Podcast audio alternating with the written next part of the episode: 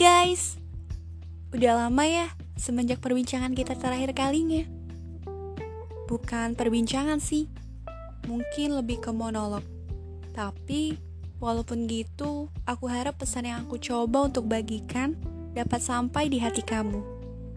Gimana kabarnya hari ini? Pengen ya, rasanya PSBB-nya udahan aja deh. Tapi kayaknya belum memungkinkan. Pokoknya semoga kita semua selalu sehat ya. Kali ini aku mau bahas tentang standarisasi dan society.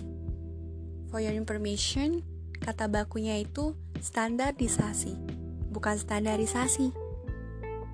Apakah saat ini kamu hidup di dalam bayang-bayang oleh standarisasi dan pendapat orang? Ngerasa gak sih banyak banget orang yang gak paham kalau setiap orang itu beda. Gak akan bisa sama gitu. Manusia bukan suatu produk di dalam suatu kehidupan yang harus selalu dikasih patokan untuk kualitasnya untuk dia ataupun orang lain. Dalam hal karakter, sikap, sifat, tingkah laku, kesukaan maupun pandangan akan suatu kepentingan dan lain sebagainya. Tapi entah kenapa most people itu sering mengklaim standarisasi dari suatu perbedaan itu sendiri. Kalau untuk diri sendiri, mungkin bisa, karena itu suatu subjektivitas. Setiap orang pasti punya pilihan masing-masing dong, yang pastinya gak akan benar-benar sama. Tapi, kalau udah buat suatu standarisasi itu ke orang lain, sehingga akhirnya malah berujung sama judgmental statements buat orang lain, I guess that itu harus dihilangkan. Guys, no one is the same, but we all are special. Semua perbedaan yang ada seharusnya tidak akan menjadi suatu perbandingan atau bahkan permusuhan. Kenapa sih sosok yang introvert sering dikira ansos sama beberapa orang? Orang yang gak tertarik sama akademik juga dibilang pemalas Terus yang pinter itu selalu yang dapat angka yang tinggi dalam penilaian pembelajaran.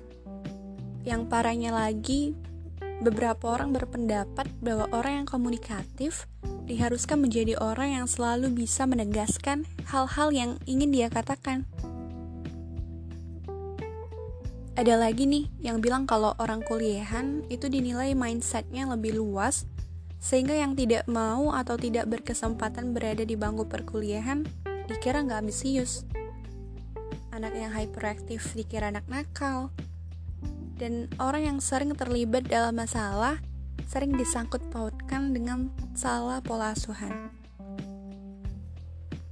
Padahal banyak kok orang introvert yang kerjanya sebagai penyiar radio, MC, presenter, dan nggak selamanya orang introvert itu selalu betah sendirian. Di saat-saat tertentu, ada beberapa lingkungan terdekat yang membuat dia nyaman dan dia bisa untuk membaur dengan sempurna. Padahal juga nih ya, kalau kita lihat banyak juga kok musisi, olahragawan, dan kerjaan lain yang membanggakan. Selain itu, angka dan nilai bukanlah hal paling penting dalam menentukan kesuksesan. Tahu nggak sih, ada banyak penulis di dunia ini yang introvert, namun tulisannya itu mengekspresikan banyak hal.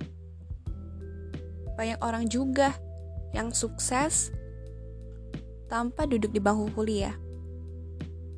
Terus nih ya, tindakan hyperaktif itu bukan suatu kenakalan, tapi di mana mereka sebagai anak-anak melakukan exploring terhadap hal-hal ataupun barang-barang sehingga perlu diarahkan dengan tepat dan benar.